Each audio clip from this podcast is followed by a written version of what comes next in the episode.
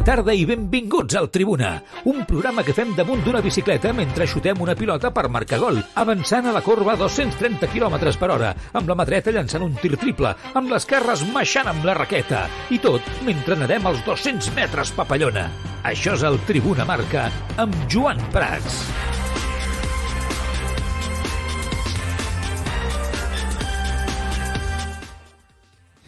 Què tal, com esteu? Molt bona tarda, benvinguts un dia més al Tribuna Marca. Xavi Hernández reconeix que ell ha estat honest, però que moltes vegades el jugador veu l'entrenador com el culpable de la seva suplència en una clara referència a Gerard Piqué en el dia després de l'anunci de la retirada del central. Mm, bueno, yo, yo, he intentado ser honesto. Evidentemente, al final, el futbolista siempre siente, pues cuando no lo quieres mucho, ¿no? Cuando no lo pones, pues que el culpable pues es el entrenador, ¿no? Y tienes que lidiar con eso. Al final es mi trabajo y es, forma parte de este oficio, ¿no? Por eso digo que a veces es desa, desagradable, ¿no? Tomar según qué decisiones y más con compañeros, ¿no? Tipo Piqué, tipo Dani Alves, pues son situaciones que, que no son fáciles de digerir, ¿no? Pero al final está, están, van el trabajo. Y la conversación pues es, es, es privada, al final eh, la tuvimos y si él la quiere contar, pues eh, adelante, ¿no? Pero no, no, voy, a ser, no voy a ser yo que la, que la cuente. Es refereix, Xavi, a aquesta conversa privada que, sens dubte, ha estat focus de notícia a la roda de premsa avui de l'entrenador la prèvia del partit de, del Barça de demà a les 9 de la nit davant de l'Almeria al Camp Nou, l'últim partit de Gerard Piqué com a jugador del Futbol Club Barcelona al Camp Nou, perquè Xavi ja ha avançat que el dimarts també estarà davant de, davant de l'Ossassuna. Li han preguntat molt a Xavi Hernández per Piqué. Escoltarem les respostes en el dia d'avui més eh, interessants. Ja us avanço que en aquesta hora del programa parlarem molt de Gerard Piqué, que tornarà a ser protagonista. Ahir ja ho va ser del programa, no? dels dos programes que vam fer ahir, doncs avui tornarà a ser i continuarà sent Gerard Piqué protagonista. Xavi ha dit coses molt interessants, eh, però atenció perquè més enllà del tema Piqué, la primera conseqüència és que el seu discurs respecte a fitxar un defensa central en aquest mercat d'hivern ha canviat. Bueno, vamos a ver, sí, sabiendo ahora que, que Gerard se va, pues eh, igual sí. Vamos a ver qué, qué, prioridad tenemos, qué podemos hacer también. Eh, nos reuniremos después de, del partido de Osasuna para planificar un poco, como hay tiempo, hay margen, pues tendremos tiempo para planificar con Mateo, Jordi, el Presi y, todos. Vaja, que tot fa la pinta de que el Barça fitxarà aquest mercat d'hivern un defensa central, sobretot després de com, hem, com ha anat, no? algunes situacions amb lesions. Anem a saludar el Marc Truco, que ja està per aquí. Marc, què tal? Ei! Molt bona tarda, com estàs, de divendres? Que, eh, bé, de divendres, bona tarda, això de divendres. Sí, sí, hem, hem piquetao. Estic en piquetao, com tots, des d'ahir. Sí, la veritat és que està en Piqué, estem en Piqué fins a la sopa. Bé, en directe a través de Radio Marca Barcelona, a través de radiomarcabarcelona.com, a través de l'aplicació mòbil disponible per iOS, per Android, fantàstica tota ella, que també ens podeu escoltar, disponible a través de totes les plataformes que ens escolteu, si ens esteu escoltant ara mateix a través del podcast, Spotify, Evox, Google Podcast, Amazon Music, eh, ja no, és que, ja, és que hi ha tantes que sempre em passa... Aquí em col·lapso. És el, això m'ho sé de memòria i aquí no cap a un. Inventa tu. Aquell- Inventa tu. Fas, fas, és- fas músic, hacen podcast... Hacen Tribuna Podcast. Posa podcast. I a prendre el sac, sí. Bueno, Chucho doncs allà, Podcast. on escolteu els podcasts. A través del Twitch, eh, twitch.tv barra el Tribuna, a través de YouTube, eh, i ja veig que al xat estan arribant el Togrom, i l'Andrés, el Juanito Guapito, l'Ulistar, tots allà arribant i comentant. Eh, I ara us preguntarem coses, eh? Avui us, farem, us posem deures, us farem participar a través, de, a través de, del xat i també, evidentment, eh, a través del Telegram, doncs també si us voleu participar a través del dia, eh, durant dia, una Barça és el Telegram del Tribuna Marca. Eh, Truco, mira, eh, els que esteu mm, veient el programa podreu veure, jo també dic el meu particular Piqué, eh, que, que ens abandonarà. És el Piqué que tenien aquí de... Com es diu això? Funko, Funko Piqué, que el Sí. teníem aquí posat eh, a l'estanteria, eh, el decorat que tenim del programa, i que ara pues, eh, bueno, ja ens va, abandonar, ens va abandonar Messi, que el tinc aquí ja de, de reflon, i ara ens abandona també Piqué. Hauré d'actualitzar els Funkos del Barça perquè Oh. això s'acaba. Oh. Però no està el de, el de Messi, no el, no el tens ja, l'has tret. També. Sí. Ah, està aquí és la seva encara. foto. Clar. La imatge de Messi mirant al cel, però ja dels dos Funkos desactualitzats ja. Ja no... Què dic jo? Podríem sortejar, no? El Però-. Bueno, o, o potser si els hi canvies el nom, els, hi canvies, els teus de la caixa els hi canvies el nom, són gairebé iguals, no? Els dos amb barba i... Sí, és que semblen bastants. semblen molt. No, no s'ho van, no van currar gaire, això del concurs. Aquell dia tenien un dia de... Clar. Tú métele barba, así un poco pelirrojo, a, a, al argentino y, a, y al español dale así marrón. I ja està. Bueno, Tot hem passa. escoltat a... Tot passa, tot passa. I, tot... I s'ha de saber tancar les etapes. Eh? I, I jo crec que avui és una de les coses que més m'ha agradat de, de Xavi, que en comptes de recrear-se en l'ambient de tristor, no? Eh, perquè, evidentment, escolta, Gerard Piqué és una de les llegendes del, del barcelonisme, ha fet una lectura com a entrenador, però relativitzant, no? dient, escolta, doncs això ara ho escoltarem, escoltarem més talls, eh, no és fàcil, jo també vaig passar per aquí, quan t'hi trobes en una situació com aquesta, eh, reconeix que, que per ell tampoc és senzill, però que les coses es donen com es donen i que això és futbol i això és la vida i que res és etern. Eh? Vull dir que, que és, és, el que és el que hi ha. Nosaltres portem molts anys fent programa de ràdio i que fa molt de temps ja que molts jugadors, doncs, que en el seu moment eren molt importants, es van retirar, la vida segueix i venen uns altres i no passa absolutament, absolutament res. És veritat que aquesta primera resposta que hem escoltat, quan diu que, que moltes vegades el jugador veu a l'entrenador com el culpable de la seva suplència, tema Gerard Piqué, perquè ja hem preguntat molt per la seva relació i jo, jo crec que ens evidencia, Marc, que, que al final aquests últims mesos algo que jo crec que és molt evident. Bueno, anem a posar paraules a l'evidència. La relació entre els dos no està bona. O sigui, a diferència de quan Xavi, per exemple, va abandonar el Barça en aquella última temporada no? I, i, i va marxar cap a Qatar, és veritat que la relació amb el seu entrenador, amb Luis Enrique, va ser bona, va ser bona, perquè Xavi va entendre el seu moment, va entendre la, la situació, va entendre eh, que havia de portar amb un altre rol, no? Xavi Hernández a la plantilla amb aquell primer any de Luis Enrique, i va anar molt bé, molt bé. Potser Piqué, doncs això no... Bueno, és diferent. No estava disposat a assumir-ho. Ell sempre havia dit que no volia supler, ser suplent al Barça, que ell sempre retiraria el Barça. Eh, ho va intentar i ha acabat marxant. Vull dir, jo crec que hi ha una diferència entre Xavi i, i, i Piqué. De caràcter, d'ego, de personalitat, de Totalment. moltes... mo- Ningú és igual, no? Clar. I llavors, però, però sí, sí que vull dir que al, al cap i a la fi, eh, ostres, eh, avui deia el culpable, jo, a mi m'agradaria que Piqué i Xavi es portessin bé en el futur, sin- sincerament, eh, i que tinguessin una excel·lent relació, no sé, perquè això ja és molt personal, però, però que Piqué acabés entenent que Xavi ha mirat pel bé del club de, de, de l'equip i que ha estat professional per sobre de tot. Jo crec que Piqué ho sap, eh? Veure, jo, per començar, eh, jo desconec realment quina relació van tenir ells dos quan van coincidir com a jugadors en el Barça. És a dir, una cosa, vull dir, a la feina tots som col·legues o coneguts i podem estar Mm. cada dia anant a dinar amb els companys que treballen a la redacció o en un altre programa o perquè som tots aquí de la colla. Però d'aquí a que amb aquella persona amb la que cada dia estic a la feina eh, sigui col·lega i amic, de veritat, hi ha una distància. Doncs, no sé realment quina relació hi havia entre els dos quan compartien eh, vestidor. M'ho estic inventant tot això, eh? vull dir, no, no, no és que tingui cap tipus d'informació, però realment la personalitat d'un i la de l'altre, com deies tu, a mi se'm dibuixen força diferents.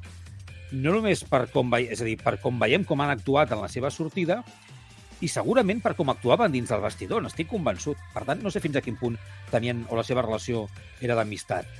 Això, evidentment, ha marcat aquesta època. Clar, jo no sé fins a quin punt a les vaques sagades del vestidor els hi ha semblat bé que arribés Xavi d'entrenador. Per, molt, per molt col·legues o amics o que, compa- que compartissin vestidor.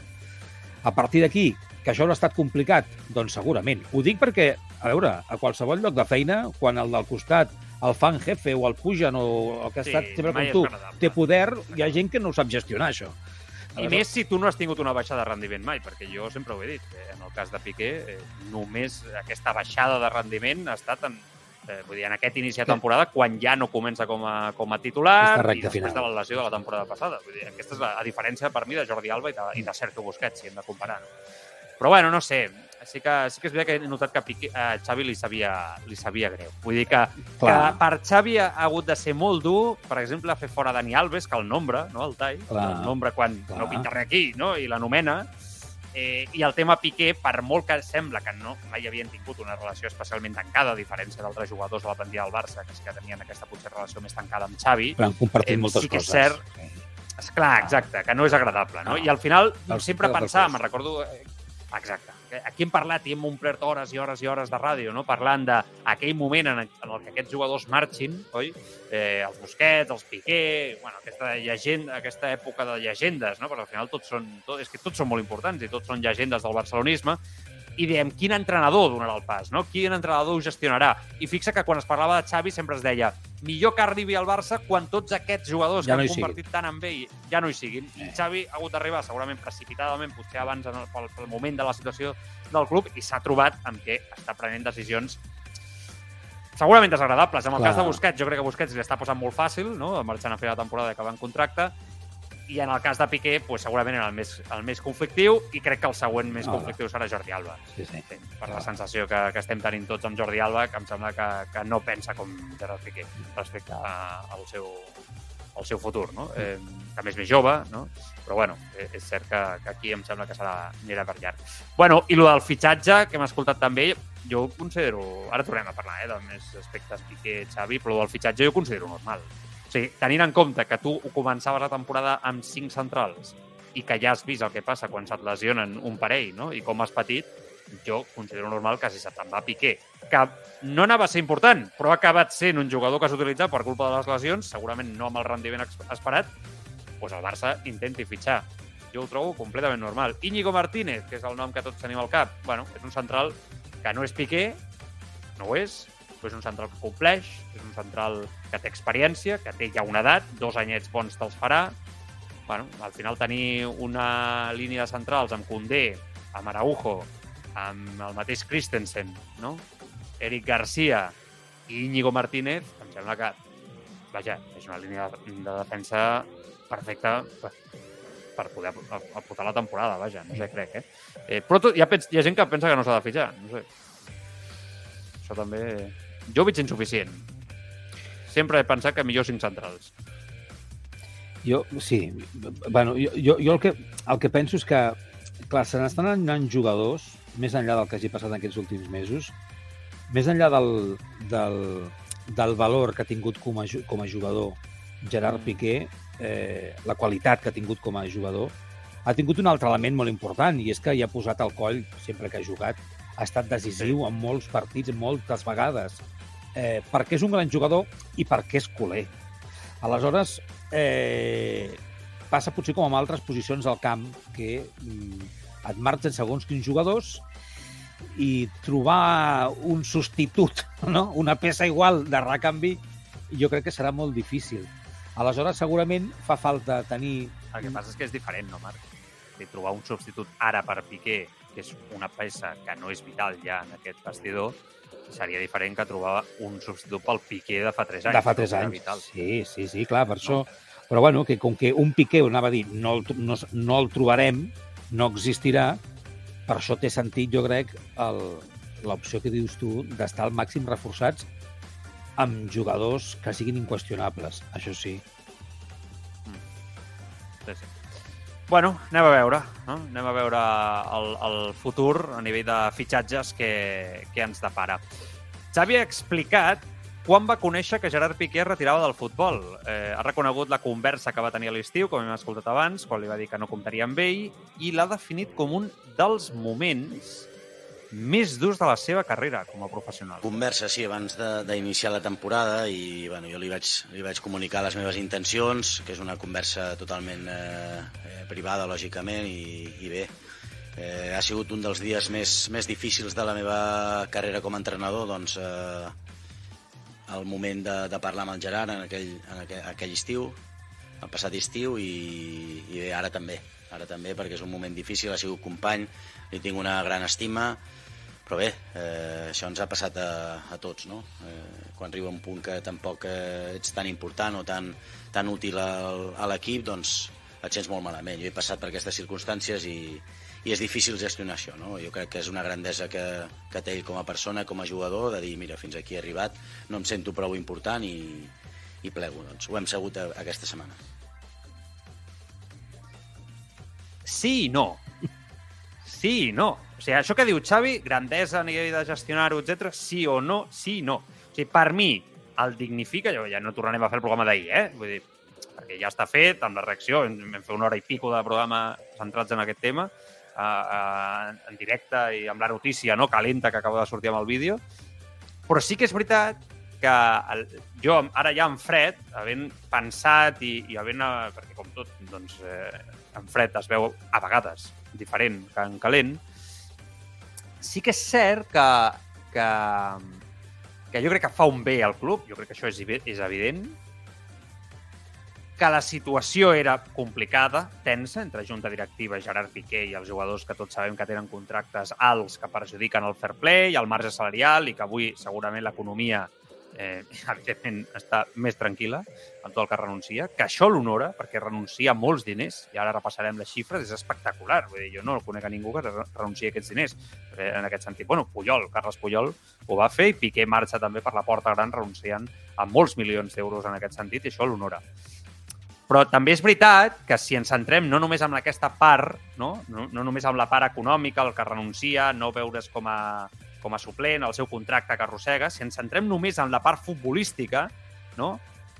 tu quan veus que això, aquesta situació ja no canviarà, quan has rebut algun xiulet de la, de la grada, etc etc, diguéssim que Xavi, que no va rebre xiulets, però ja va començar una temporada, ho dic per comparar, no? per exemple, jo ell ha viscut per això. Bueno, Xavi va entendre el rol i va intentar des d'aquest rol acabar la temporada i ajudar l'equip des del lideratge, de la capitania, des de la banqueta, etc etc. des d'un rol d'ajudar fins i tot de, de, de, el propi Luis Enrique en aquell primer any quan Luis Enrique estava pràcticament cessat i ell, Xavi, és el que intercedeix amb el tema Le- Leo Messi, amb la resta de jugadors, Neymar i companyia, i Xavi juga un paper clau en que aquella temporada, sense estar al terreny de joc tants minuts com era habitual, però juga aquest paper clau.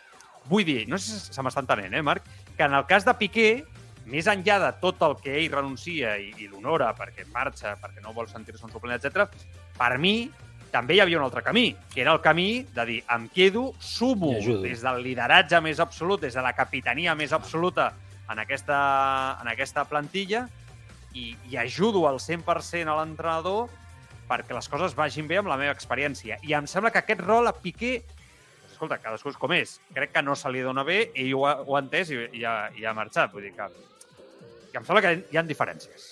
Això ho vull dir. Entre Xavi i Piqué. Tot, total, totalment. És el que dèiem abans, que a nivell de personalitat jo crec que no tenen, no tenen, no tenen res a veure. Eh, I això, com dèiem abans, s'ha vist en la relació d'ells, segurament més ara que un era entrenador i l'altre era jugador. I estic totalment d'acord amb tu. És el que hem esperat sempre aquí, com a mínim des del programa. Tu No? t'hagués agradat que Piqué hagués tingut Que un passa que- rol en aquest últim any quedant-se i ajudant el vestidor, l'entrenador, etc. O, és que jo considero que Piqué és impossible que faci això per la seva personalitat. Clar, eh, Sincerament. és que aquesta és una altra cosa. És que considerem que Piqué això no ho, po eh, no ho pot fer, eh, però que hauria estat maco que ho pogués fer. Jo crec que hauria valgut la pena. Evidentment, com diu aquí algun oient a través del xat del Twitch, Mm. arreglant també el tema econòmic, no? Perquè si, si, no? si, et, si et quedes no? per facilitar, Bueno. ajudar, per mantenir el projecte com a culer, per donar un cop de mà, per posar tota la teva Oblidem saviesa i per un segon- experiència... Exacte, però oblidem per un segon la part econòmica. Econòmica. No? Eh, o sigui, Estem d'acord. El rol de lideratge i pel seu, per la seva personalitat, em refereixo. jo crec que un, un, un, tio que sabem que s'ha fet amb tot el vestidor, que ha estat ànima mater del vestidor moltes vegades, eh, clar, què passa si només, entrem, si només ho ha sigut per les coses mm, xupilerendis, si només, si només ho ha sigut per les festes i, no, i, els, i el tal, no. Però jo crec que un tio amb l'experiència, amb el bagatge, amb el currículum, amb la trajectòria de Piqué, Mm. ostres, que es quedés i hagués donat un cop de mà al seu amic Xavi des d'una posició no, ja no tan eh, principal Ah, com a jugador... De- això d'amic. Va, perdona, sí, és veritat. Company, bueno, company, No. és que... No, no, no, ho dic perquè a veure, Sí, sí, és veritat, és hi veritat. ha companys de feina i després hi ha amics. Sí, dèiem Són abans. Sí, que- sí, sí, sí, diferents i, i crec que Xavi té amics i, i Piqué Però escolta'm, doncs, potser no és tan amic, Obviem però això. sí és un bon company. obviem això, el Barça. Exacte, exacte. Exacte. Sí, sí, prou. Allà acaba tot. Ajudes al Barça o no ajudes al Barça? Sí, sí. En un altre rol diferent, el que et demanen habitualment. a part del tema Em econòmic, quedo, com dèiem. Xavi, tu em dius que no comptaràs a mi per jugar, etc tal. Vale, jo em quedo i encara que no juguis, sumaré com a líder, Clar, ajudaré els nanos joves i sé que, i, i seré, fins i tot, de, serviré de fil entre vosaltres no? I, i a les noves estrelles de l'equip, no? I faré un any sumant com vas tenir tu. Bueno, doncs escolta, i que això no ho ha sabut fer. no és una crítica, insisteixo, és que crec que el seu caràcter mm, és diferent, eh, no? I, i creu que l'honora més donar aquest, eh, aquest pas. Atenció quan li pregunten a Xavi si quin pes té Xavi Hernández a la decisió de Piqué. Xavi reconeix que ell té un pes important. Atenció aquí. No? Però bé, són decisions que he de prendre eh, pel bé de, de l'equip, pel bé del club. Eh, moltes vegades prenem decisions i són equivocades, no? Però bé, en aquest sentit he, he mirat el millor pel, per l'equip, eh, el millor pel, per la institució i en aquest sentit doncs, eh, he cregut en molts moments doncs, que havia de jugar un altre jugador en comptes d'en Gerard. No? És, és així de dur, m'ha costat perquè ha sigut company molts anys i li tinc una, una estima important, però és així. Al final he de prendre decisions, sóc l'entrenador del Barça, no és fàcil, i moltes vegades per això us dic que és desagraït i és desagradable doncs, prendre aquest, aquest tipus de decisió, però bé, jo he de mirar pel, pel bé de l'equip i el bé del, del club. No? Bueno, eh, no, evidentment, no és agradable. Eh, li ha costat, no? Eh, és segurament la roda de premsa més difícil de Xavi des que és entrenador? Sí? Estem d'acord? Sí, no? Possiblement, potser eliminacions Champions a banda, eh, no? Però sí, jo crec que jo diria que, que la més complicada. És un tema difícil, eh, ell ha sigut la, la primera persona que ha pres la decisió no? de, de que Piqué canviés el seu rol i això ha tingut una conseqüència de que Piqué retira. Sigui, no, no, hi, ha, no, hi, ha, no hi ha marge, no? No, no, no hi ha mig. No, no hi ha mig termini en aquest... No, no, o sigui, el, el, és molt clar, és una, és una acció-conseqüència. Sí, però, però clar... Ja, També ja. m'agrada, eh, que l'entrenador no s'amaga. Diu, sí, sí, jo he tingut una responsabilitat absoluta, doncs la meva feina. O sigui, jo és que l'he vist avui a la cara el, el que li sabia greu a Xavi. Li he notat tot el tema Piqué. Que li... Home, clar, tots Ho considero ens... normal. Home, a, a tots, a tots ens sap greu. No li ha de saber greu amb ell, que és l'entrenador i que és el que pres la decisió. Home, doncs clar. clar. I que ha sigut company, no? D'alguna manera. Que ha sigut company i s'hagin entès més o menys Piqué és Piqué pel Barça. És que és el que hem dit sempre. És a dir, Piqué pot tenir sortides de to, no sortides, pot tenir una vida personal mediàtica que ens escandalitza o no ens escandalitza. Eh, pot pixar fora de test, però pot ser més fatxenda o menys fatxenda. Però mm. ha, ha estat la, la, la icona futbolística que ha estat, ha estat el jugador o és el jugador que, que ha sigut durant molts anys a nivell històric. En el Barça, en el sí, futbol espanyol i en el futbol internacional. I és culer, i és del Barça. No ha de saber greu, però clar que sap greu. Clar que sap greu. És una altra sortida mierder d'un jugador, amb tots els respectes, eh? Entenem el que sí? vull dir. Sí, aquesta sortida és, és sí, també... Home. Sí? Ah, sí? Per D'urgència, sí. a, a, a mitja temporada, Clar. després de la situació... Amb la, Clar. perquè aquí està, aquí està el gran debat, no? A, a Piqué, el, o sigui, Piqué se'n va o el fan fora? Aquesta és la gran pregunta, no? Vull dir, perquè, clar, crec que potser un bon titular o una bona reflexió seria se'n va després de que el facin fora. No sé si em compres el... Potser és massa complicat eh, el que estic dient, eh? però crec que se m'entén tot, no ho sé. Eh? O sigui, Bueno. És evident que Piqué, Jordi Alba i Busquets s'obren per aquest club. S'obren des de fa molt de temps i que l'única cosa que els hi lliga és un contracte. S'obren pel contracte que tenen, per, perquè volen passar pàgina, perquè el club vol passar pàgina, perquè la junta directiva vol passar pàgina d'una forma radical i que la relació entre Joan Laporta i, i, i l'equip de feina no és la mateixa ara que fa un temps i que és una realitat. Però, clar, ell es queda, comença la temporada i acaba marxant. A Piqué li han posat l'afició en contra o se l'ha posat ell solet? Bueno, Saps què vull dir? Vull dir? És que aquí, ostres, hi ha, un, no, hi ha una sèrie de, de, de conclusions que jo no et demano que les tinguis clares, eh? perquè jo tampoc les tinc clares, però suposo que el temps ho posarà tot a, tot a, tot a lloc. Però que és evident que el club Piqué sobrava i que se l'ha intentat fer fora al moment que Xavi es reuneix amb ell i li diu ei, adeu, no? Escolta, no jugaràs, el millor per tu seria marxar, crec que seria... I Piqué es queda, tu ja saps que quedes, però no et volen. Això per començar. Eh, Es filtren coses, a vegades hem tingut tota mena d'informacions sobre Piqué, sobre Busquets, etc que surten del propi club.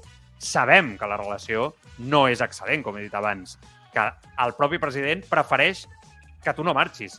Que l'últim dia, per exemple, Jordi Alba li presenten l'últim dia de mercat una oferta per marxar, s'ha dit, a l'Inter per intentar estalviar part del seu sou. Ara tot el que s'estava filtrant era que al, al mercat d'hivern s'intentaria fer vendre a Jordi Alba o cedir a Jordi Alba i a Gerard Piqué per estalviar el sou. S'explica que a final de temporada, si no juga el 35% de partits, es podria, eh, podria abandonar el club, que sembla ser que aquesta cosa no és així, però bueno. Eh, vull dir que hi ha tota una mena de run-run entorn a Gerard Piqué per part del club i dels actuals dirigents. Per això et dic que és, se'n va ell, sí, però després de que t'hagin convidat i t'hagin forçat a marxar. Estem d'acord o no? Sí, jo crec, jo crec que, és, que és un, hi ha moltes coses. És un, cúmul, és un cúmul de moltes coses. Eh, quina és la primera? Jo crec que la primera, sincerament, eh, és el, com diu el Xavi, amb això estic d'acord amb ell, és el pas del temps.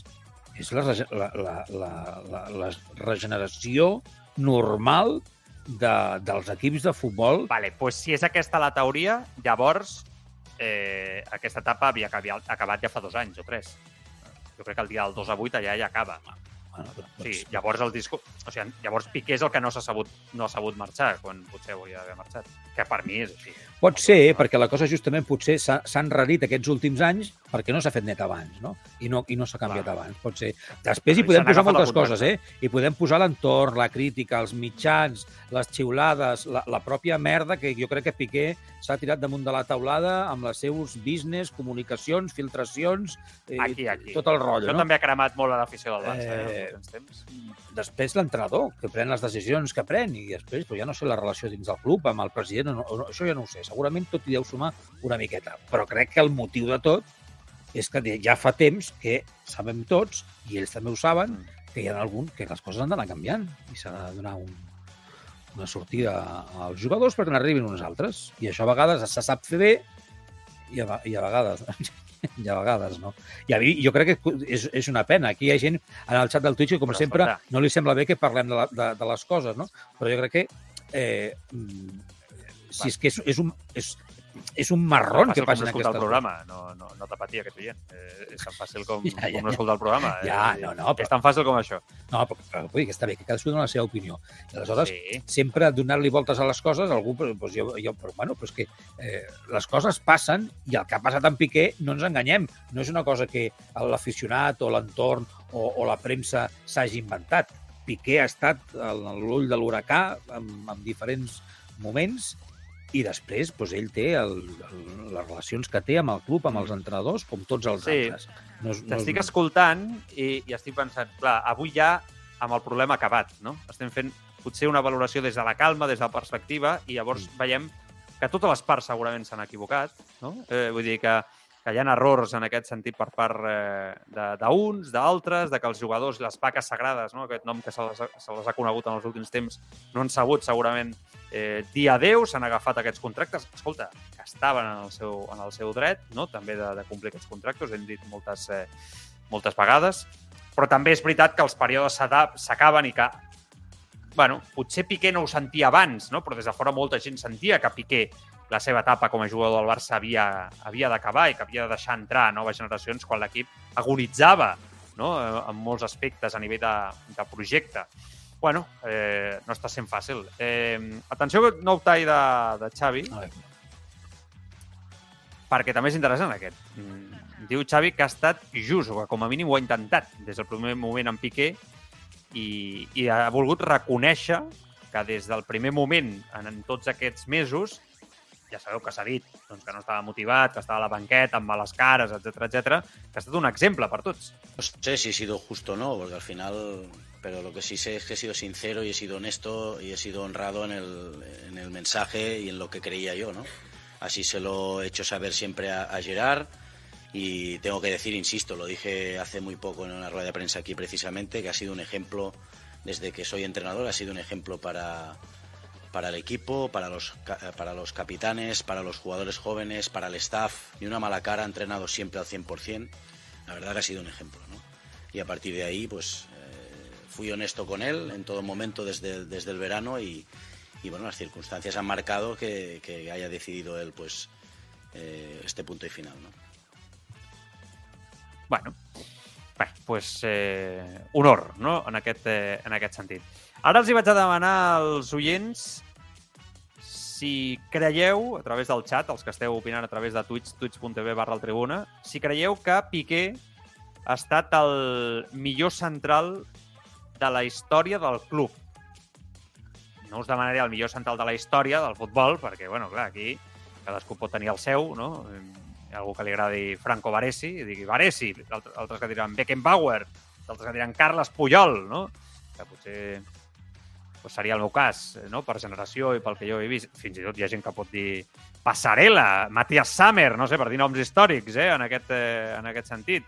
Potser algú se'n va... Bueno, per mi seria una mica agosarat, però pensant que Navarro, no? Fins i tot algú se'n va amb Paolo Maldini. No sé, és que hi ha tants, no? Maldini també va jugar també a l'esquerra. Bueno, en fi, eh, que n'hi ha, ha moltíssims, no? En aquest, eh, en aquest sentit. Però, però del club, ostres, pues, eh, bueno, és un debat interessant, no? I, I li han preguntat a Xavi i ell no ha volgut dir que Piqué és el millor central de la història del Barça. Us ho pregunto vosaltres, eh? a través del xat podeu dir si creieu que Piqué ha estat el millor central de la història del Barça. I si creieu que no, quin és millor en aquest sentit. Eh? Us ho... ara, ara llegim els missatges. Xavi Hernández. No, vull faltar el respecte a ningú, no? perquè al final eh, està Miguel i Puyol, no? Eh, n'hi ha molts, n'hi ha molts, però sí, sí, està clar que estan, estan al top, està amb els millors, està amb els millors. Per mi, dels millors centrals de la història d'aquest esport, sense cap dubte. Vale. Truco, t'ho pregunto tu. El millor? Piqué. Eh, sí. Per mi, per la memòria que jo tinc, Més- que no és... Que és... Més que Puyol, eh? No, és el que estava pensant. Eh. Clar, és que és un punt de vista el meu molt culer, molt Barça, eh, amb uns jugadors que jo haig de reconèixer que per, que per molta polèmica que ara estiguem amb Piqué aquests últims anys, Mm. doncs han sigut, han sigut uh, de best, no? Han sigut els millors. Eh, potser No no posaria els dos. Puyol, eh? Més que Piqué, no? jo sí. Ja, sí. Jo, jo em quedo amb ell. Pel, jo em quedo amb Puyol Jo per tot el dos. que representava a nivell d'implicació global. Eh, T'ho compro. Sense fugues, compro. sense defectes. T'ho compro. Tècnicament pitjor que Piqué, sí, Mm. però és veritat, és veritat que Puyol feia millor a tots els jugadors que jugaven al seu cantó. Això no, no ho aconseguia Piqué. Eh, és veritat que a nivell de títols Piqué és, és, és més guanyador, però també és veritat que ha tingut més sort no? en una època que al principi de l'etapa de Puyol és una etapa dolorosa, horrible. Jo, per mi, Carles Puyol és el millor, però insisteixo, puc entendre que hi hagi gent que digui que, digui que, és, eh, que és Gerard Piqué. Vale, eh, missatges. Truco, va, missatges de l'audiència sobre tota aquesta última pregunta i el que vagin, el que vagin dient. Va, A veure, que haurà estic... molts missatges, tothom està opinant aquí. Sí. Pri- Primer, responent a la pregunta, eh? Em tornaré boig. Vale. Eh... Espera, que els estic... Els, els, Estàs bé? Sí, sí, sí. Okay, vols una sintonia d'entrada o Va, alguna cosa així? Que, estava- que, sí, estava- que ens, fas- ens, ens cantes alguna cosa o que has fet... Estàs preparat com si anés a fer una sonata? O, sigui, tot, tot controlat o Tot controlat. necessites No, que és que... És, posem, no sé, no, focs no. artificials? Doncs mira, És simplement llegir els missatges, eh? Tampoc Sí, sí. no... Ho has fet moltes vegades. T'he vist aquí una mica... mira, el del Rogo... diu- Pompositat? No. Que mucositat, no, no, no, un pet. no Puyol hizo a Oleguer, a Oleguer bueno. Eh, estàvem parlant d'això, eh? eh Pompositat tens 4 o 5 vegades a l'any de forma habitual. de què? Sí, eh, mu- mucositat. tu. Sí, és veritat. Molta. últimament no, eh? Ja no, No. ja no et poses tant... Sí, sí és veritat. L'altre dia ho, ho parlàvem a la, a la feina. Ah, sí? Estàveu parlant d'això? i- Dels meus va mocs? sortir el tema, perquè, perquè va haver una època estaves molt constipat sempre. I, I tots dèiem, ostres, el truco ja està constipat un altre cop. I és veritat que últimament ja no tant, eh? Sí, no sé per què serà. Bueno, l'Eric Sí, no sé. 86 diu, el millor Sí, central del sí. Barça, eh? eh, sigui Couto o Abelardo. Piqué i Puyol són, són mediocres, vale? A l'Andrés 60-61, que deia, mm, difícil pregunta, del club per mi, Puyol. Eh, després, a l'Esport Swing diu, Rafa Márquez també fue muy bueno. O el Marx 42, que apostava per Piqué i Koeman als millors, deia. Mira. Eh, què més? A veure... Taqui, taqui. Eh, i Puyol, bàsicament, eh, la resta de missatges. Si vols, deixem alguns Sí. altres missatges, com, doncs, des que hem començat el programa, Sí, exacte. sobre tot el tema que hem estat parlant al voltant de Piqué, començant per l'Èrix, que deia Hola, people. Eh, Piqué ha sido un Hola, gran jugador, pero a nivel personal eh, ha sido, no ha sido jamás un ejemplo. Fiestas, incidentes con la policía, sin carnet, bici eléctrica con un bebé, mal compañero filtrando temas, infiel a todos los niveles. Hòstia, oi, vaya llista, no? asesinatos, violaciones, bombas nucleares, posa-li tot. Con este currículum podrá ser un gran futurible presidente. Ja, ja, ja. Valors del barcelonisme. Vinga, aquí tens aquest missatge. L'Uli Stark, que deia Piqué deixa el Barça després de 25 anys al club com a llegenda del Barça i del futbol mundial. Trigarem en tornar a tenir un jugador com Piqué. L'Euronacho apuntaba al següent. Diu, yo estoy un poco cansado de tanto Piqué. Hay que mirar hacia el futuro. Me interesa más quién Ja va a eh? fichar... Com, perdona, com? Que ja s'acaba. Vull dir que això és Ah. avui, eh, demà l'homenatge, i això ja no, no, no crec que vagi més enllà, eh? De moment.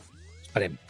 El Leirbach deia, atenció, diu, lo que se han de fichar son preparadores físicos, no centrales, que más de tener cinco o seis se acaban lesionando todos.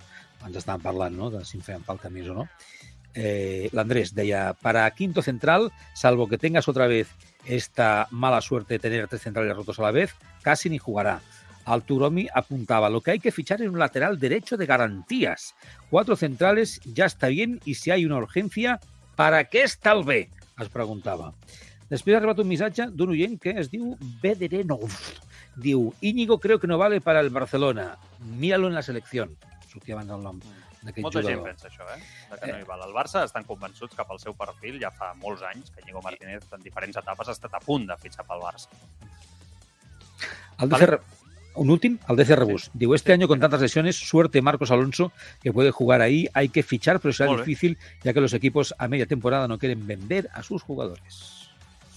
Sí. Eh, em sap greu un missatge de, de l'oient del Mar, Marta Ramon que diu Hola, Joan, no m'agradaria que es fes un cas, eh, casus belli amb la retirada de Piqué i els possibles conflictes amb Xavi Laporta. Donem les gràcies per tot i bon vent i, i barca nova. Sí, segurament pel club té raó el que diu, però és inevitable. És inevitable parlar-hi. Eh, és inevitable perquè, perquè crec que té molt a veure no? en la conseqüència de la decisió eh, i, i sé que, que això pues, eh, segurament per molta gent pues, no és agradable, però és veritat que Piqué fa el vídeo que fa ell i acaba un vídeo mirant a la llotja. Vull dir que, que ell és el primer no? que, que evidencia que la seva intenció és apuntar a la presidència. No? I crec que és evident que, que acabarà sent president del Barça. No? Ho trobo, si es presenta, o sigui, i crec que serà serà així, perquè sembla que és la seva intenció, veig quasi impossible que Piqué perdi unes eleccions. Tot pot passar en aquesta vida, no? Però ho veig gairebé impossible. Foto d'avui, eh, de la plantilla oficial de la 22-23. S'ha fet la foto oficial de la plantilla i en Piqué. Clar, eh, ha sortit allà eh, el Gerard Piqué a l'eix central, amb les mans habitualment, ja sabeu aquesta tradició no? d'un de, dels jugadors de, a la primera fila hem posat les mans, no sé un, com seria això, un rombo, no? Un rombo. I, I bé, tots ells allà amb la porta, amb els eh, tres entrenadors, eh, amb Lewandowski, tota la plantilla, t'agrada? A- a- Els que esteu a YouTube i a Twitch ho estem veient, eh? Mm, Tot, encara macos, trucos, sí, sí, ben, ben bufons. Sí, llueix, no? Sí, Samarreta, el Camp Nou... sí. sí està bé, està bé. Spotify, primer amb, amb Spotify... Bueno, no, no, no, té més, no té més notícia, eh? no té, no té més, eh, més enllà. Sí que la declaració de Joan Laporta ahir, que va trigar, eh? Oficial, eh, i ara parlarem de quan es va enterar, de quan no es va enterar, de, de, de la reacció del club, com va trigar el club en reaccionar d'una forma, eh, diguéssim, oficial, més enllà del community manager, que, com vam dir ahir, es va dedicar, i jo crec que amb molt bona cintura, a penjar títols, vídeos, fotos i tot el que trobava a Google Imatges de, de, Gerard, de, de Gerard Piqué, però la Porta va fer aquestes primeres declaracions oficials com a president del Barça després de, de l'anunci i diu un punt que a mi m'ha cridat l'atenció que feia temps que estaven treballant a la retirada conjuntament. Dic, oh, aquí s'ha encès l'alarma. Ara, ara l'escoltem i ho analitzem. Bé, eh, que passa que de la retirada del Piqué ja els darrers mesos ja n'havíem parlat eh, i a més a més darrerament eh, amb més intensitat. Eh, ho havíem fet reflexions conjuntes per tal de valorar aquesta possibilitat. El que passa que per ser qui és doncs, eh, vam decidir que eh, deixàvem en mans del, del Gerard Piqué la decisió final. Sempre serà una referència del barcelonisme i vaja, és d'un barcelonisme incontestable el que ha fet.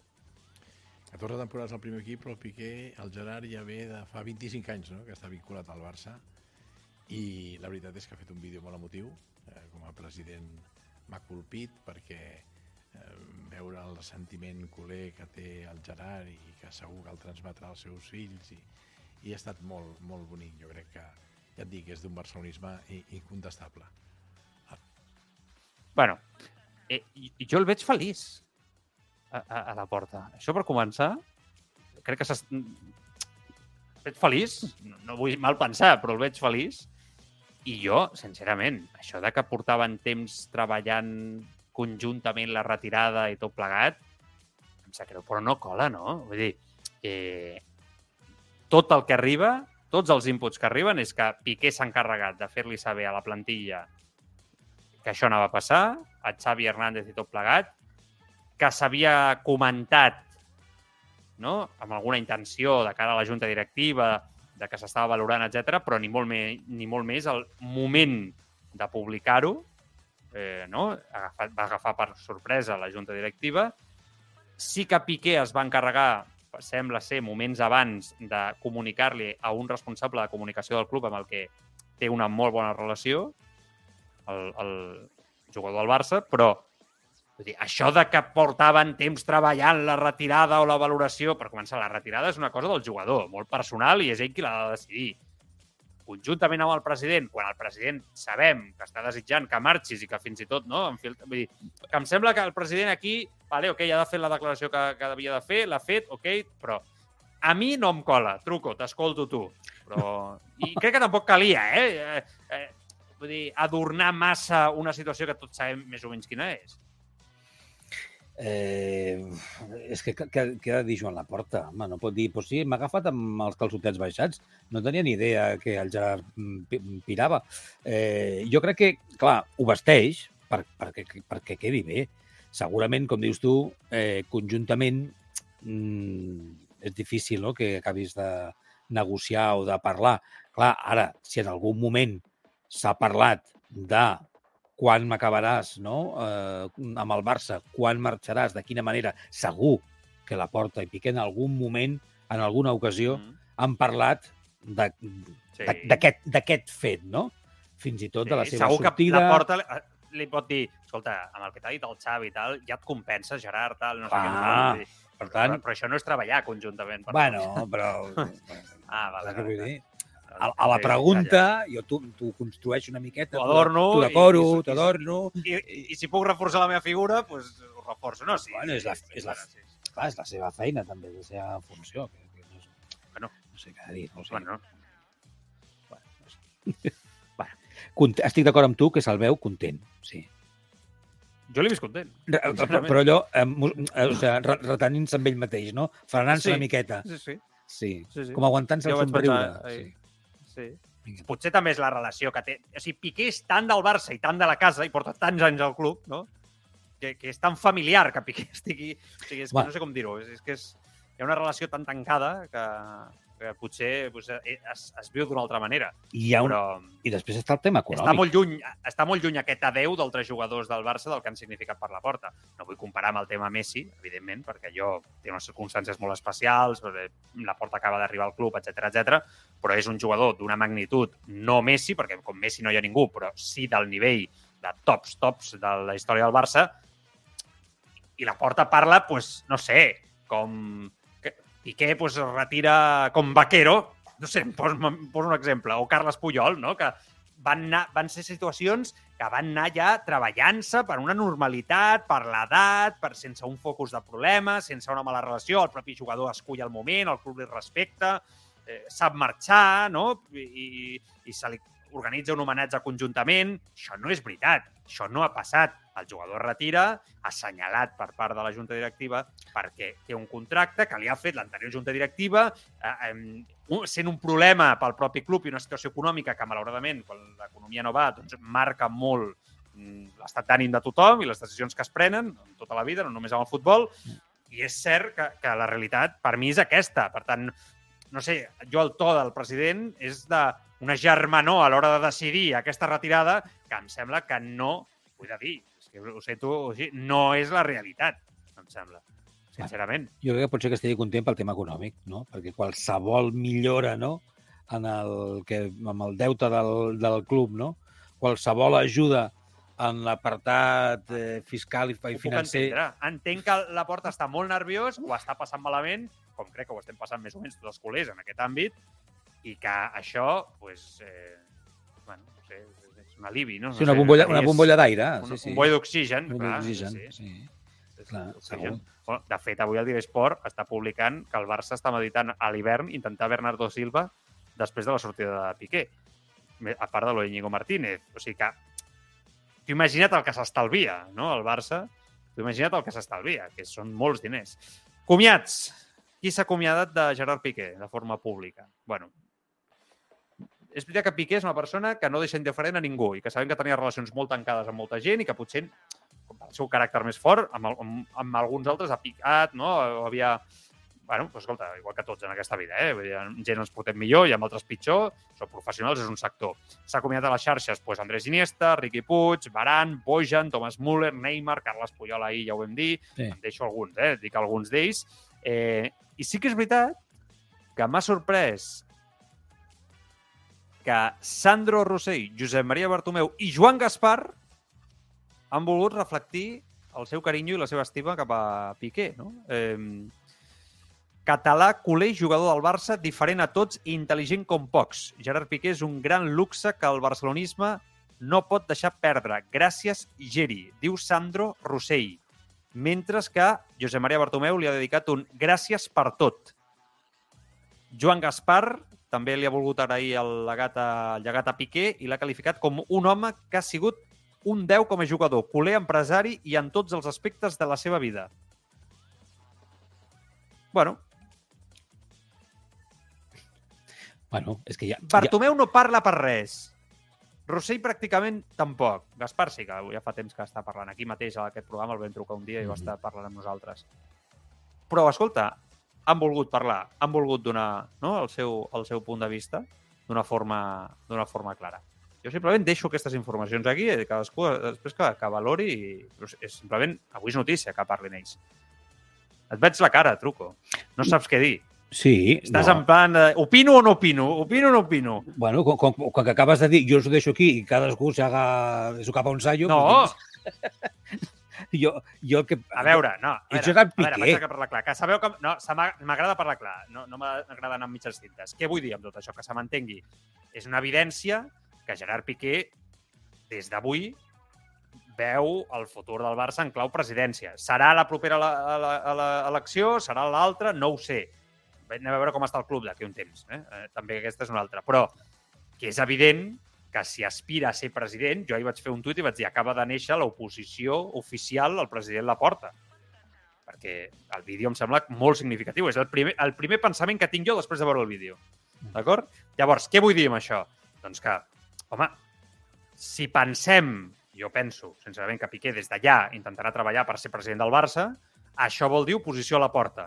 Si això vol dir oposició a la porta, bueno, no cal ser molt intel·ligent. Al final són persones opositores a la porta a la presidència i en l'altre cantó, els que feliciten públicament. Vull dir que jo no veig a Bartomeu mullar-se públicament sobre altres sortides. No veig que el dia que Barxi Busquets Bartomeu surti digui res. Sincerament, potser m'equivoco, eh? no ho sé. Hi ha altres casos, Uh. no ho sé. Per, també per la seva situació, etc. Això vull dir. Que... Sí, està. Sí, sigut bueno, molt clar. A mi, no, no, però per mi, per mi ho, has, ho has, has rizado mucho el rizo, ja t'entenc. No ho sé, sí, pot ser. És que, però és que d'entrada jo entenc que algú que ha estat president o vinculat al Barça d'alguna manera, eh, formant part de l'entorn, és normal que en el moment que es retira públicament Gerard Piqué faci, en, en, en el temps als que estem, posi un missatge a una xarxa social dient «Ei, campió, gràcies per tot el que has donat com a jugador», que és com entenc inicialment els missatges aquests que dius. Eh, que indiscutiblement Gerard Piqué amb la seva sortida, ja ho parlàvem ahir, és una sortida amb una direcció, no? És, Clar. me- me'n vaig cap allà dalt, no? És és ell mateix qui ho fa en el vídeo, no? Eh, I que el suport que pugui tenir per la seva sortida com a jugador, per la seva retirada com a jugador per part d'alguns expresidents tingui una lectura, diguem-ne, política, pues ja no sé què dir-te. No ho sé. Bueno, potser. ja veurem, pot ser. no? A veure, què, a veure què passa. Sí que és veritat que en el missatge de Carles Puyol, que ahir ja vam, ja vam llegir, Puyol diu s'ha sigut molt injust amb tu, pocs Mm. han defensat la samarreta del Barça com tu ho has fet, Riqui Puig també diu els dos són molt bons amics de Piqué, vull dir, els dos han parlat, entenem que parlen amb ell, no? I els dos s'encarreguen de dir s'ha estat injust, no?, amb Gerard Piqué. Vull dir que podem imaginar el sentit de Gerard Piqué en aquests moments respecte als seus últims mesos i com se l'ha tractat. I escolta, amb Xavi pel mig, amb la porta pel mig. Vull dir que és que, clar, sigui, qui ha estat injust? O sigui, ho, di ho diu el seu entorn més proper, Puyol i Riqui, amics de Piqué. Vale. Diuen, s'ha estat injust. Qui ha estat injust amb Piqué? El president Laporta. Entenem. Xavi Hernández, qui ha pres les decisions. Estem d'acord en això, Marc, o no? Sí, és, és una de les possibilitats Home, de... jo, qui, no, qui, qui, tu, no tu i jo? bueno, dir, no creus sí. l'afició... Bueno, igual parla de la premsa, del que s'ha dit, del que es diu eh, en Vox Populi, no ho sé. Ah, vale, però la premsa què fa? S'inventa les coses, els punts de vista? La, la premsa ha explicat el que se li explicava. Amb un interès per explicar-ho. Sobre Gerard Piqué i altres jugadors. Sí, sí, no, però vull dir que Carles Puyol amb el s'ha s'ha estat injust, que pot ser que, que parli de la premsa o pot ser que parli doncs, de, de, de Xavi o del club, sí, sí, discutiblement. Bueno, Messi no, no ha dit res. Ni dirà que... Com? Que... I ni dirà, entenem tots. Però bueno, per confirmar el que tots intuïem que passaria, no? Però bueno, Mira, que, per per fer, per fer la conya, hi ha un missatge al xat del Twitch del Togromi que diu estaría bien que hiciera candidatura con Messi, con lo bien que se llevan. Sí, sí. Sí, sí. Una... Candidatura ganadora si llegan al final de la campanya vivos. Seria una mica la conclusió final. bueno, al final és, és, és el que hi ha, no? El, ja, ja ho vam explicar en el seu, en el seu dia. Bueno, um, algo més de Piqué? Eh, Vols dir alguna cosa més? Si no, tancaríem aquí el capítol Gerard Piqué per, per avui, perquè no, li, jo li crec han donat que... molts minuts, no? Jo crec que ja... No, no, tot el programa. eh, Tot el programa, el programa és, és Tribuna Piqué. Vull dir, ja està, està clar. Però bueno, és el que tocava també, no? Avui. Ja està. Jo, mira, l'únic que dic és que Sí. amb tot el que pot semblar que nosaltres critiquem, en aquest cas a Gerard Piqué, però critiquem sempre de tot quisqui, o sigui, el nostre punt de vista crític, eh, eh, que no vol dir que siguem contraris no? atenció amb això, eh, Mm. jo crec que Gerard Piqué, per la seva història com a futbolista, per tot el que li ha donat al Barça com a futbolista, i ho he dit amb altres jugadors, es mereix un final com, Bueno, això ja no està passant. Ja, Sí, bueno, ja, això- doncs, eh, a mi Es m'agradaria... mereixia, es mereixia, no? Potser. Bueno, Sí, sí, no sí, d'acord amb tu, però potser es mereixia més un final, no? Perquè ara ja la situació ja no és... Bueno, doncs a, a veure, a veure quin comiat hi ha en el camp, o veure... No, és culpa no seva, eh, no ho sé. també. És culpa seva, eh, de marxar quan i agafar, Sí, sí, agafar-se el contracte, veritat, eh? pot ser. Vull dir que això també, també és cert. Bueno, convocatòria per demà, que demà juga el Barça. A veure, a veure si juga de titular Piqué. Bueno. Perquè demà el Barça es juga les garrofes important a casa davant de l'Almeria. No, no tens el tall, no? Quan li han I preguntat. a priori no seria titular. Clar, jo, a priori em sembla que no seria titular. Crec. O sí, no ho sé, perquè és veritat que Condé no ha arribat a temps, no jugarà. Mm, està el cas d'Eric, Christensen ha tornat a entrar a la convocatòria. Potser sí, potser sí que se- serà titular, no ho sé. Eh, però clar, un partit on et jugues també molt, no? Important guanyar. Posar un jugador que el poses per l'homenatge i no perquè com a tècnic creguis que ha de jugar, hosti, no sé, a mi em, xoca bastant amb la filosofia de Xavi, amb com Xavi està gestionant l'equip, eh, sincerament. El pots posar els Però bueno, últims 10 està. minuts o l'últim quart d'hora, depèn de com hagi, anat si el el partit. partit va bé, Clar, clar, clar, clar, clar. si el partit va bé, el posaràs i rebrà un homenatge genial i tal, però com vagis 0-0 o 1-1, minut 90, posaràs al central de torn, eh, és que no, no tindrà massa sentit tàctic, no? Llavors anem a veure. Eh, aquí ha... Jo tinc molts dubtes, sincerament, eh? No ho tinc clar, no ho tinc gens clar. Jo ara, ara mateix fins i tot em mullaria i diria que no juga de titular demà. Crec que, que l'opció Marcos Alonso, no? Amèric Garcia també, que és una opció que s'ha utilitzat. Insisteixo, Christensen a priori recuperat, el recupera també en aquest sentit. Per tant, bueno, anem a veure, eh? però només seria, seria lleig, suposo que estàs d'acord amb mi, que, que Piqué no jugués ni un minut per les circumstàncies del partit. Sí, jo, jo crec que és un, Seria horrible. és un, marron, és un marron que té Xavi. És el que et deia abans, Totalment. quan li han preguntat avui en roda de premsa, la seva resposta ha sigut... Pues ja, ja, Sí. ja, ja veurem. Ja ho veureu. Ja ho veurem. Ja, Ja ho veureu, s'ha rigut, No, clar, sí. És complicat, és el que dèiem. Clar, però mira, aquí, aquí hi ha oients que diu si no reconeixement quan acabi el partit. I un altre que diu nos jugamos demasiado para andar con homenajes. La, gent, la gent també, vull dir, està amb el tema Piqué, jo ho entenc, eh? Però, però alhora la gent és, escolta, però això, Piqué i aquesta generació ja fa molts anys que els hem fet un homenatge pràcticament setmanal, no? I els hem aguantat eh, un final de la seva etapa com a esportistes, eh, com a futbolistes del Barça, agonitzant en alguns casos, no? Mm, En altres no. Em refereixo clarament a Leo Messi. Eh, llavors, home, pues, eh, potser la gent ja diu, vinga, vale, sí, ja està, però anem per feina, que el Barça té molta feina pel davant i és un equip que encara no està fet i, i ara mateix és un autèntic drama, no?, fins i tot. bueno, també ho entenc, d'aquest punt de vista. També, també ho entenc. Però la situació és la, és la que, la que és. Vale, eh, ja veurem què fa eh, demà en aquest sentit. Informacions a nivell de fitxatges, així molt ràpid. Avui torna a son- a sonar Jorginho, el del el, de, el tema Piqué obert la veda, eh, a noms. O sigui, ja hem explicat abans el tema Bernardo Silva, Íñigo Martínez, Jorginho també, que segons Esport podria interessar que el Barça a- pagués una quantitat simbòlica al Chelsea perquè vingués abans i recordeu que aquest jugador acaba contracte a finals de temporada. El diari Ara explica avui que el Barça està molt interessat en el lateral dret Arnau Martínez del Girona, molt bon jugador, molt bo, té clàusula de 20 milions eh, d'euros, seria més per l'estiu. I ESPN també ha explicat avui que Marcos Alonso i el Barça ja parlen, ja treballen en la renovació del contracte per un any que va signar fa uns mesos el futbolista. Xavi ja té clar que vol comptar amb ell dos anys més, se'l vol quedar i, per tant, ja parlen de renovació. Contrasta aquesta situació amb Héctor Ballerín, no? que, que també acaba el contracte, que acaba d'arribar, que l'altre dia va dir jo estic encantat de quedar-me i tal, i que ja han sorgit algunes informacions que apunten que el cos tècnic ja ha decidit que Ballerín no continuarà. I estem al mes de novembre. Suposo que és la realitat també del rendiment d'un i l'altre, tot i que Ballerín tampoc ha jugat massa, no? Hi ha molta continuïtat. Però és, és el que hi ha. A mi tampoc m'ha entusiasmat molt, eh, Marcos Alonso, he de ser sincer. Sincerament, no. Ni un ni un altre m'ha semblat Ballerín, és veritat que defensivament ja ho vam dir l'altre dia, moltes carències. És que jo vaig veient, vaig veient el Marc, em va, va fent així amb la cara, com... sí, sí. No, perquè és, perquè és cert. Jo crec que en cap, jo crec que en cap dels dos casos, bueno, no, no, no estem contents, no? no, no. Bueno, sense exageracions.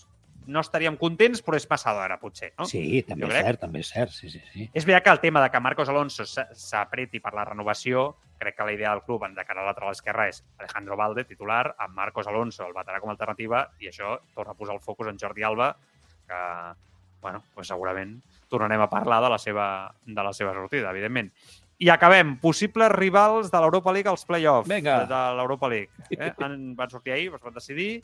La llista és interessant, eh? Vull dir, ja sé que tots ara hem donat per fet l'Europa League, que queda molt mona, molt maca, que ens ho passarem bé, l'hem de competir, amb els dubtes que això genera, no?, sobre si els jugadors estaran motivats i el, el club, quan parlo del club parlo fins i tot de l'entorn de l'afició del Barça, no?, es posarà en mode Europa League i li motivarà, cosa que l'any passat no es va, no es va aconseguir. Bueno, Roma, Manchester eh, United, el Midland, el Nantes, el Mónaco, el PSV Eindhoven, l'Unió Berlín i l'Estat de Rennes. Compte perquè està la Roma de Mourinho, està el Manchester United pel mig.